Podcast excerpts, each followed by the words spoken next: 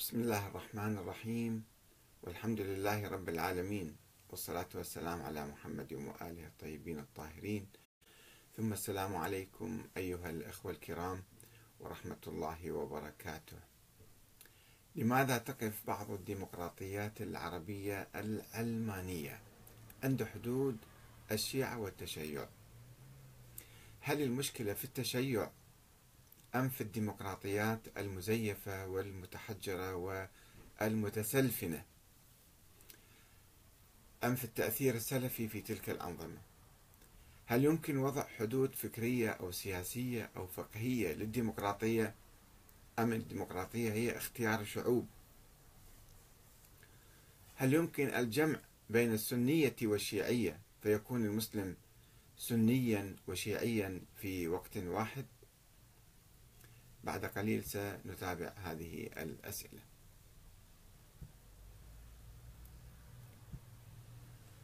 لماذا تقف بعض الديمقراطيات العربية العلمانية عند حدود الشيعة والتشيع؟ وهي المشكلة في التشيع. أم في ضيق أفق هذه الديمقراطيات المزيفة والمتحجرة.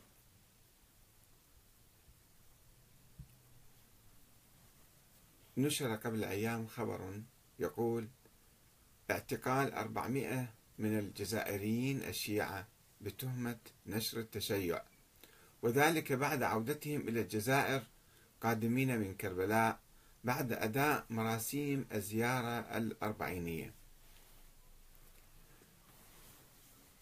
الخبر هو متناقض. التهم الموجهة لهم أنهم ينشرون التشيع. هم في الحقيقة قد يكونون شيعة. آه، ولا ولم تثبت هذه التهمة لهم. إنما لأنهم جاءوا من العراق بعد زيارة كربلاء فأصبحوا شيعة وأصبحوا في نفس الوقت ينشرون التشيع. والتشيع تهمة ونشر التشيع تهمة أكبر في نظر الديمقراطية الجزائرية. وهي ديمقراطية علمانية كما تقول وليست سلفية. ولكن وزير الأوقاف قلب الدنيا ولم يقعدها على آه، زيارة هؤلاء إلى العراق. فخلينا نشوف خبر آخر اللي هو من مصر. نشره آه، في موقعه الشيخ الأزهري طارق نصر بيان عاجل من ولاية من ولاية سيناء. فرع المعلومات بيان رقم 37 بسم الله الرحمن الرحيم. يبدو بيان مكتوب على عجل أيضا. قامت مجموعة من مجاهدي ولاية سيناء اليوم الجمعة يعني أمس. باستهداف تجمع للشيعة من الطرق الصوفية الكفار وهم متعاونون مع الجيش المصري المرتد والشرطة المصرية الكافرة في مسجدهم بقرية الروضة القريبة من العريش.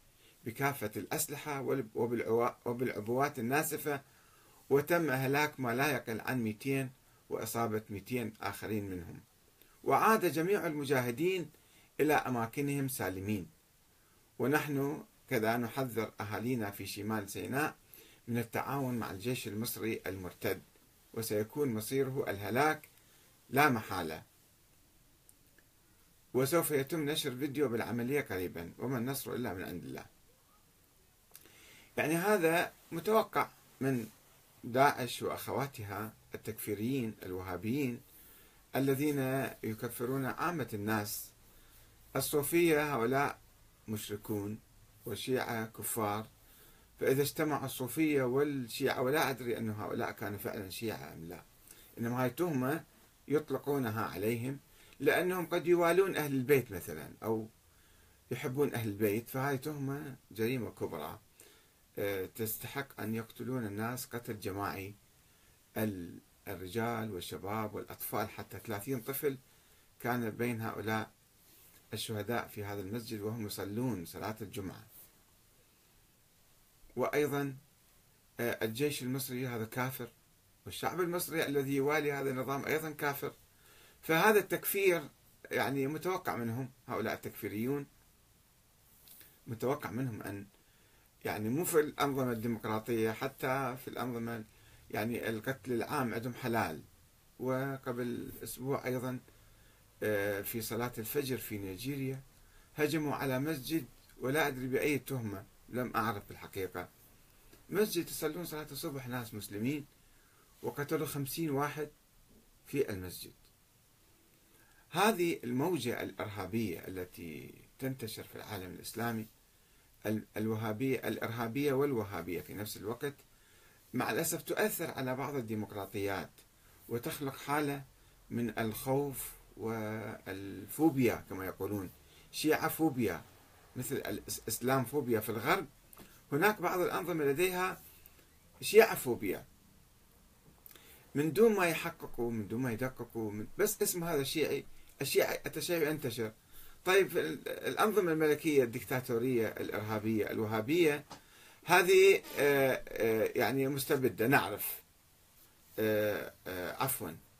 ولكن الأنظمة التي تدعي الديمقراطية والديمقراطية تعني أن الحكومة تنبع من الشعب تنبع من الشعب وبالتالي يعني تعبر عن الشعب وبالتالي يجب أن توفر الحرية للشعب لكافة فصائل الشعب للتعبير عن نفسه.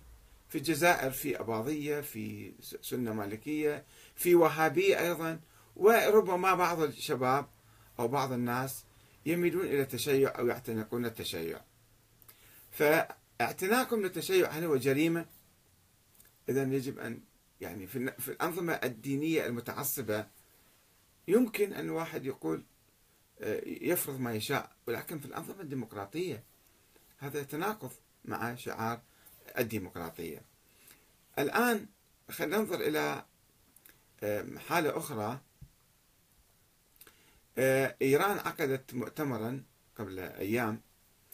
آه، مجمع المجمع العالمي للصحوة الإسلامية أقام المؤتمر العالمي لمحبي أهل البيت.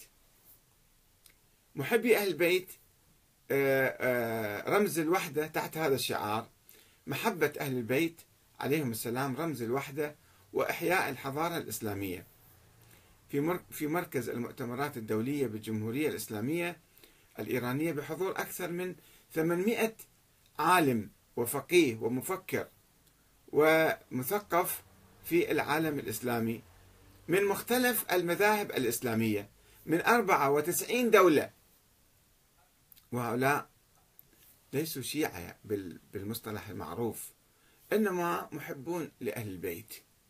فهل نتهم هؤلاء العلماء من 94 بلد؟ وطبعا هذا لم يأتوا وحدهم إنما هم لديهم يعني آه، كل واحد عنده بيئة معينة ومجتمع معين وجمعية معينة وينشط في في ساحة معينة.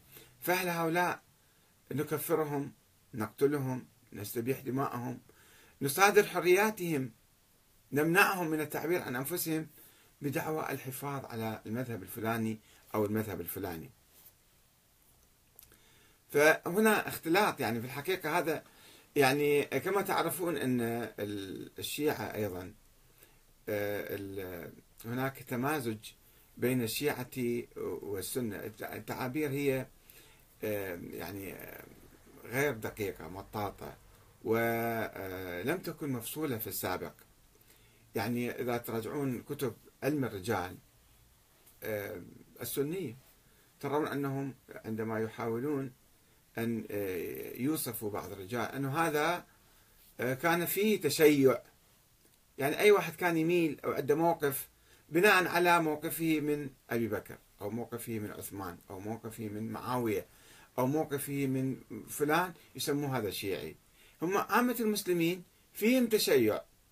وبالذات مثلا إذا تذهبون أنتم إلى مصر أو إلى السودان أو إلى تركيا حتى إلى سوريا تجدون أن آه، ألبانيا بلاد كثيرة يعني بالعراق حتى أن كثيرا من العلماء الذين يميلون إلى التصوف مثلا وتصوف الدرجات كما تعرفون ليس كلهم كفار بهذه الصورة.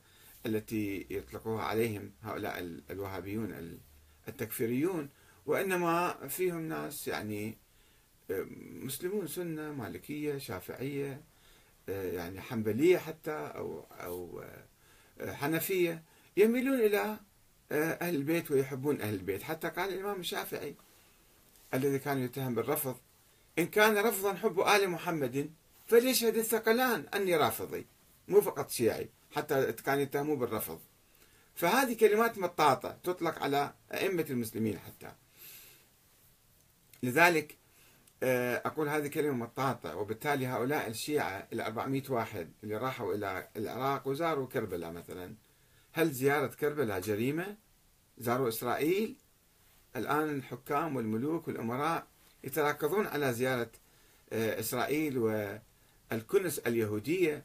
ولا يعتبروا هذا لا عيب ولا جريمة. ولكن أن واحد يذهب إلى العراق ويزور مثلا كربلاء بغض النظر عن موقفي أو موقفكم أو موقف أي أحد هو إنسان حر أحب أن يزور آه، قبر الإمام الحسين ويستلهم من كربلاء يستلهم من قصة خروج الإمام الحسين. فهل هذه جريمة حتى يلقى القبض عليهم ويحاكمون ويتهمون؟ بنشر التشيع تهمة جديدة جاهزة هي أيضا. حتى لو قاموا بنشر التشيع. حر نظام ديمقراطي في حرية وأنا أؤمن بفكرة أعبر عن فكرتي. في الحقيقة هنا نوع من الالتباس ويكشف عن زيف الديمقراطيات. أنا هذه الديمقراطية شكلية. عندك اقتراع وانتخاب الرئيس وهذه أيضا مسيطر عليها حتى الناس كلهم يجوا ينتخبوا هذا الرئيس أو ينتخبوا هذا الحزب. ولا يخرجوا عن هذا الإطار. يكون يكون علماني كافر. كافر يعلن كفره بالإسلام يعيش بهذه الديمقراطية. يكون مثلا آه، من أي فئة من أي جماعة من أي ملة هو مباح إلى ذلك وهو حر. ولكن أن تجي صفة التشيع. البعض يقول هذه صفة سياسية أنه هذه تهمة سياسية. طيب هو تهمة سياسية إن شاء الله. أن هؤلاء شيعة آه، مثلا آه، موالين لإيران. خليكم موالين لإيران. هل هذه جريمة ولاء دولة إسلامية. ما والوا اليهود ولا والوا النصارى. ولا وأحبوا دولة إسلامية وما يشعرون بتناقض. ما يشعرون بتناقض بينهم بين الولاء لوطنهم أو حب وطنهم أو الاندماج بالعملية السياسية القائمة. ولكن هذه حساسية زائدة.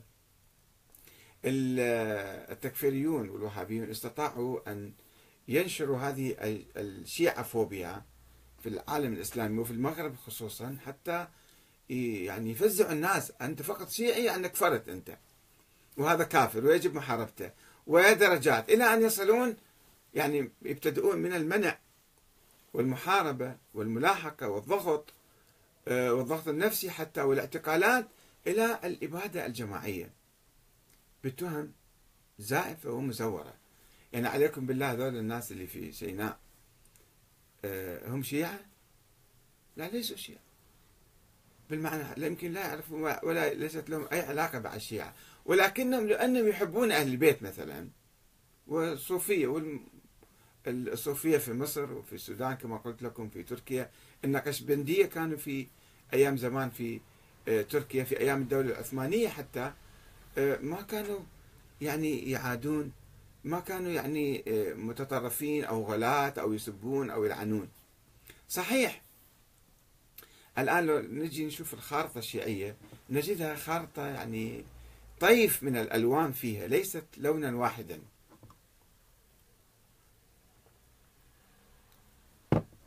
في الشيعة المعروفين الشيعة الذين يسمون تاريخيا إمامية اثنا عشرية وقد أصبحوا اليوم مسلمون ديمقراطيون أو ولاية فقيه. بعد لا إمامية ولا اثنا عشرية في حقيقتهم ولكن يسمون إمامية اثنا عشرية. وعندنا أيضا الزيدية في اليمن وفي حتى الجزائر ربما في شيعة زيدية. وعندنا الصوفية اللي هم سنة ولكنهم يؤمنون بالاثنى عشر بالأئمة الاثنى عشر. وشوفوهم في متكاياهم وفي مساجدهم. أسماء الأئمة الاثنى عشر. حتى في المسجد النبوي هناك بعض الآثار الباقية من أيام الدولة العثمانية. أسماء الأئمة الاثنى عشر وأنا رأيتها بنفسي في المسجد النبوي الشريف. مكتوب الأسماء هذولا ناس أخيار أطياب أولياء الله صالحين في نظرهم ويؤمنون بهم. فهل هذا كفر؟ وعندنا أيضا التشيع الحيوي الآن مثل تشيع حزب الله في لبنان. تشيع مقاتل لإسرائيل مؤمن بالوحدة الإسلامية مكافح ضد الإرهاب.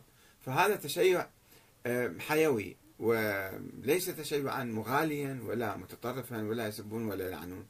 روحوا شوفوا قناة المنار من أول الصبح إلى آخر الليل. ما فيها إلا الثقافة الإسلامية العامة. آه، وفي عندنا أيضا صحيح عندنا بعض الجماعات المتطرفة المغالية. مثل ما موجودين عند السنة في كل مكان الآن. في تكفيريين وفي ناس غلاة وفي ناس وهابيين وفي ناس. في أيضا بعض الشيعة أو من يسمون الشيعة في بعض المرجعيات مرجعية شيرازية اللي أصبحوا فرقة تقريبا.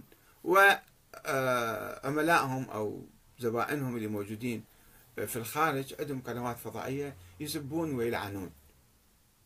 ولكن ليس كل الشيعة كذلك. ليس عامة الشيعة ليسوا كذلك. ويستنكرون يعني هذا السب والشتم واللعن. هؤلاء من بقايا الصفويين. بقايا الصفويين عندهم أفكار منغلقة ضيقة وخارجين عن الحياة خارجين عن كذا. إيه، يعني ولهم يعني نشاط هنا وهناك عبر الفضائيات يعني.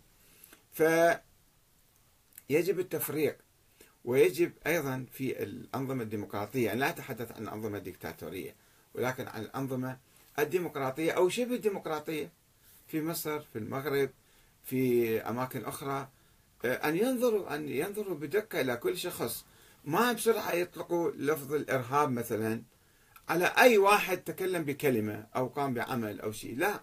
إنما يشوفوا عمله يشوفوا سلوكه يشوفوا تنظيمه الإرهابي حتى يحكموا عليه أنه إرهابي. ف حقيقة الشيعة يعني آه، ليسوا آه، جميعا شكل واحد وبالتالي مجرد زيارة إلى بلد آخر باعتباره كأنه آه، يعني وقعت الكارثة. هذا يتناقض مع الديمقراطية الحقيقية الحرة اللي توفر الحرية لجميع الناس. مثل ما موجودة في الغرب الآن في لندن مثلا 500 مذهب ودين موجود. كل واحد عنده حر. يعمل ما يشاء يصلي كيف يشاء يعبد الله كما يشاء. وبالتالي الديمقراطية لا تتدخل في العقائد. ثم نجي على آه، يعني رؤيتين في آه، للتشيع بالحقيقة أو التش... أو الشيعة والتشيع. رؤية تقليدية ميتة. أنه كان قبل 1400 سنة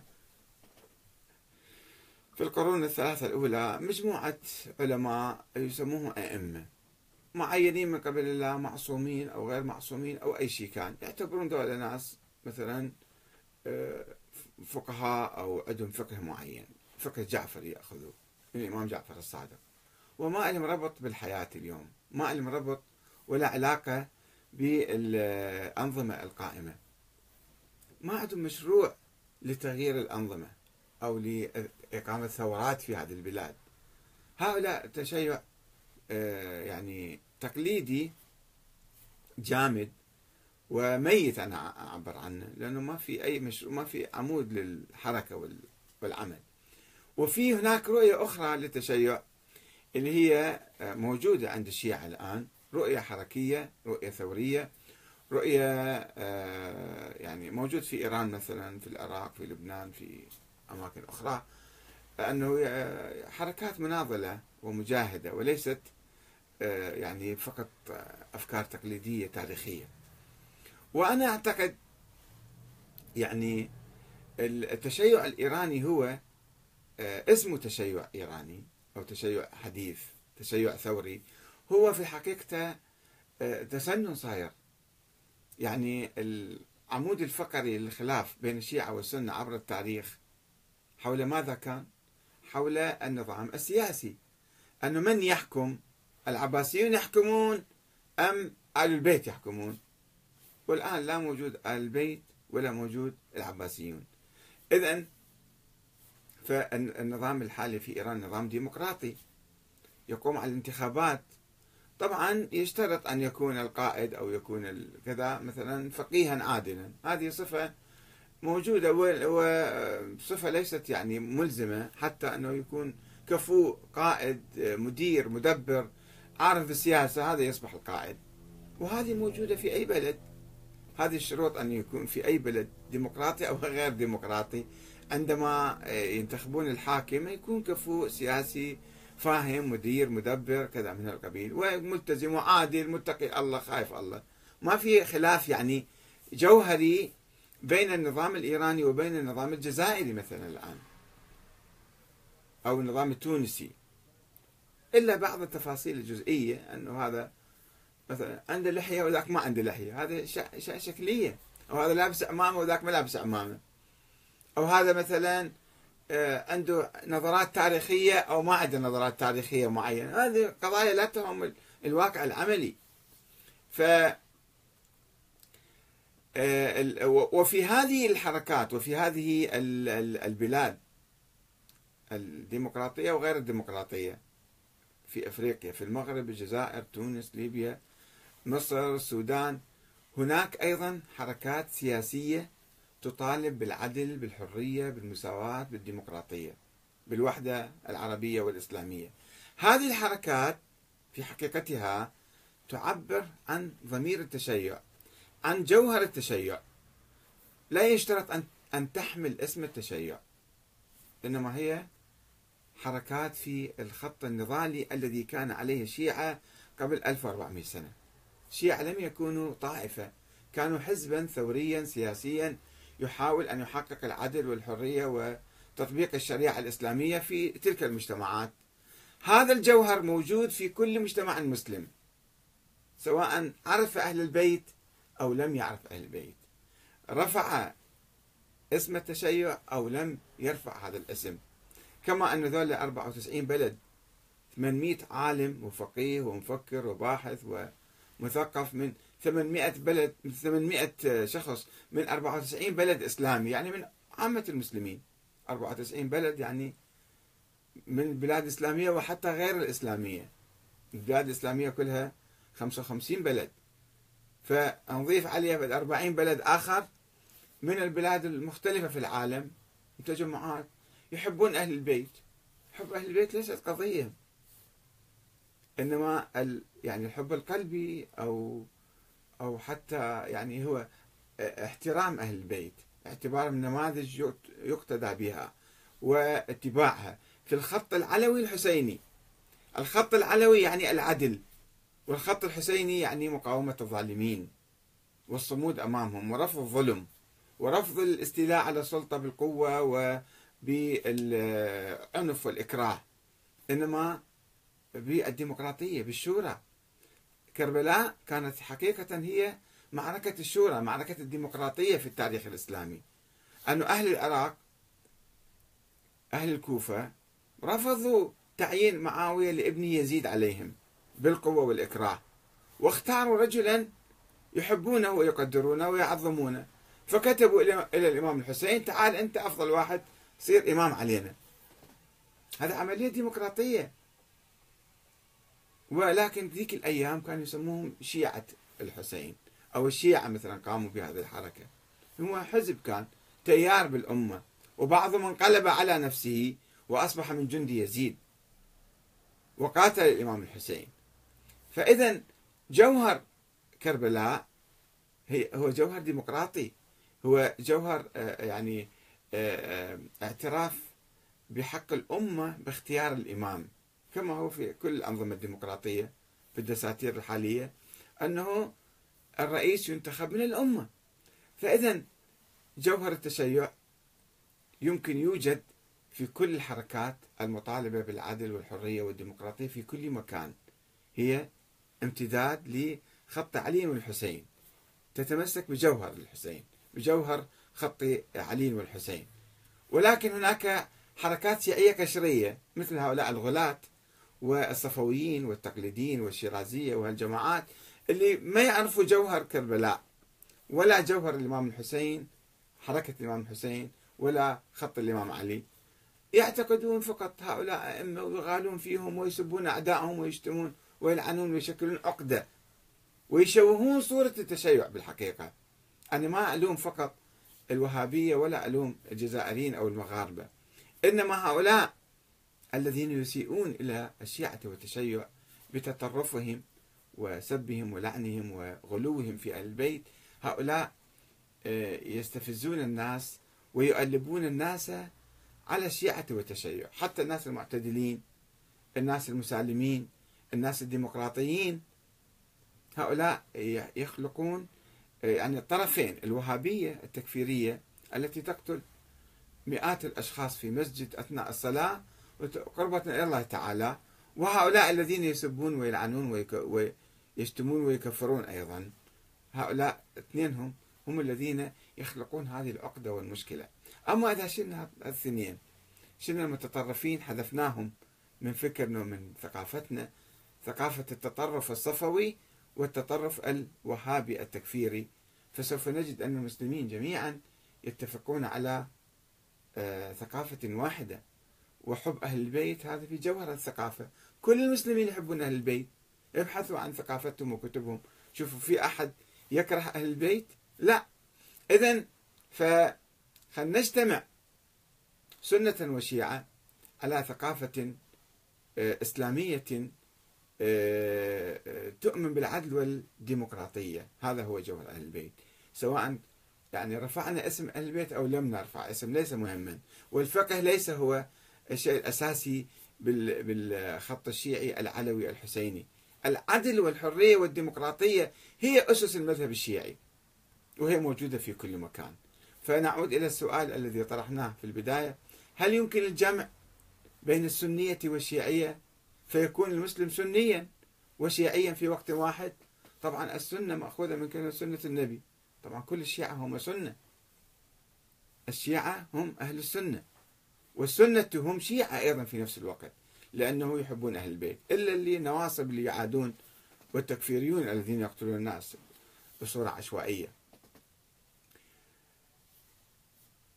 آه إن شاء الله نأمل أن يعني أن لا تكون عندنا فوبيا شيعة فوبيا خوف من الشيعة يعني والتشيع. وأيضا يعني نفهم جوهر التشيع. وإذا كنا ديمقراطيين فإن الديمقراطية تعني الحرية للجميع. حرية الفكر حرية العقيدة حرية التعبير حرية النشاط السياسي. ولا يجوز في الأنظمة الديمقراطية كالنظام الجزائري اللي عنده نسبة عالية من الديمقراطية أنه يلاحق الشيعة بهذه التهمة بهذه التهمة المطاطة العريضة أو يعتقلهم أو يحاسبهم أو يتهمون بنشر التشيع أو ما إلى ذلك.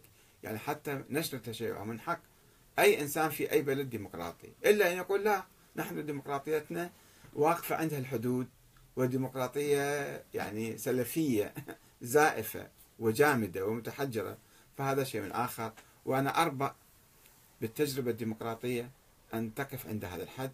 أتمنى أن يعني تفتح صدرها أكثر وتكون يعني توفر الحرية لجميع المواطنين آه، وتحترم اختياراتهم. تحترم اختياراتهم وتحترم حقوقهم ولا تصادر أي شيء منهم. حتى لا نقع في مشاكل وأزمات وتوتر لسنا بحاجة إليه. والسلام عليكم ورحمة الله وبركاته.